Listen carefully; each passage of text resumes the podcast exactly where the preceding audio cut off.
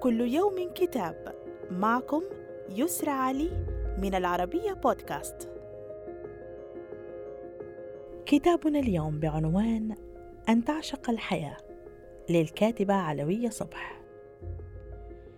إنه قصة نضال امرأة عربية لا تختلف ملامح معاناتها عن مخاض مجتمعها وهي في حالة صراع مستميت لاستنهاض جسدها المعتل.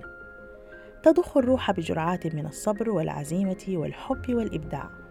فبين اليأس والأمل ترفض الكاتبة أن تستسلم وتخوض حربا بأسلحة مبتكرة بالموسيقى ونصوص ابن عربي ولوحات يوسف وكتابات أنيسة وروايات أحمد ورقصات مفضلتها الفنانة الألمانية بينا بوش في مواجهة التطرف والظلم والفقر والمرض.